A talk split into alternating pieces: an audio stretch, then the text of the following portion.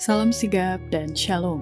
Renungan kita pada hari ini, Kamis 8 Desember 2022, berjudul Tidak ada yang terlalu sukar baginya. Ayat intinya terdapat di dalam Yeremia 32 ayat 17. Ah Tuhan Allah, sesungguhnya Engkaulah yang telah menjadikan langit dan bumi dengan kekuatanmu yang besar dan dengan lenganmu yang terentang. Tiada suatu apa pun yang mustahil untukmu. Pena Inspirasi menuliskan yang dimaksud dengan judul renungan kita pagi ini, tidak ada yang terlalu sukar baginya.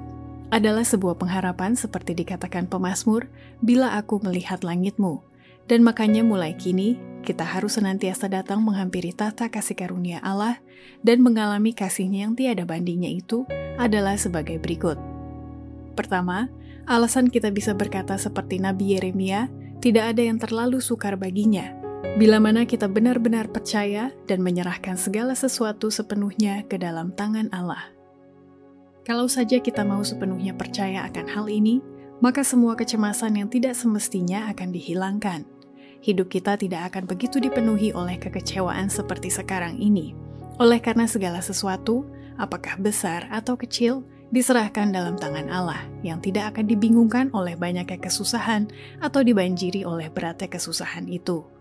Kita seharusnya menikmati peristirahatan jiwa kepada mana banyak orang telah menjadi orang asing. Kedua, alasan kita bisa berkata seperti Nabi Yeremia, tidak ada yang terlalu sukar baginya. Bila mana kita terus belajar pada jalan-jalan dan pekerjaan Allah dan mengembangkan pikiran sekuat kemampuan kita. Kuasa Allah yang hidup memberikan kehidupan dan vitalitas, dan di sana terlihat mula-mula tangkainya, lalu bulirnya, kemudian butir-butir yang penuh isinya dalam bulir itu. Markus 4 ayat 28. Pelajarilah proses yang ajaib ini. Oh, betapa banyak yang harus dipelajari, betapa banyak yang harus diketahui. Jika kita mengembangkan pikiran kita sekuat kemampuan kita untuk sepanjang zaman kekekalan, terus mempelajari jalan-jalan dan pekerjaan Allah dan mengetahui semakin banyak dan semakin banyak mengenai Dia. Ketiga, alasan kita bisa berkata seperti Nabi Yeremia, tidak ada yang terlalu sukar baginya. Bila mana kita mau hidup sungguh-sungguh percaya kepada kehendak dan kuasanya yang adalah sumber kehidupan yang memiliki kekekalan. Semua makhluk ciptaan hidup oleh kehendak dan kuasa Allah. Mereka adalah penerima kehidupan yang dari anak Allah. Betapapun kesanggupan dan bakat, betapapun besarnya kemampuan mereka, semua mereka diisi dengan kehidupan yang dari sumber segala kehidupan. Ia adalah mata air air mancur kehidupan. Hanya dialah sendiri yang memiliki kekekalan, yang tinggal dalam terang dan yang hidup, yang dapat berkata, Aku mempunyai kuasa untuk menyerahkan hidupku, dan aku mempunyai kuasa untuk mengambilnya kembali.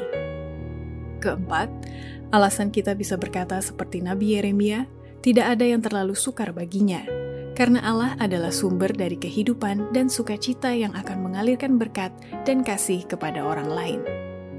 Allah adalah sumber kehidupan dan terang dan sukacita kepada alam semesta. Seperti sinar-sinar terang dari matahari, seperti arus air dari mata air yang hidup, berkat-berkat mengalir keluar daripadanya kepada semua makhluk ciptaannya. Dan di mana saja kehidupan yang dari Allah berada dalam hati manusia, maka dari situ akan mengalir keluar kepada orang lain dalam kasih dan berkat. Demikianlah renungan kita pada hari ini. Kiranya Tuhan memberkati kita semua.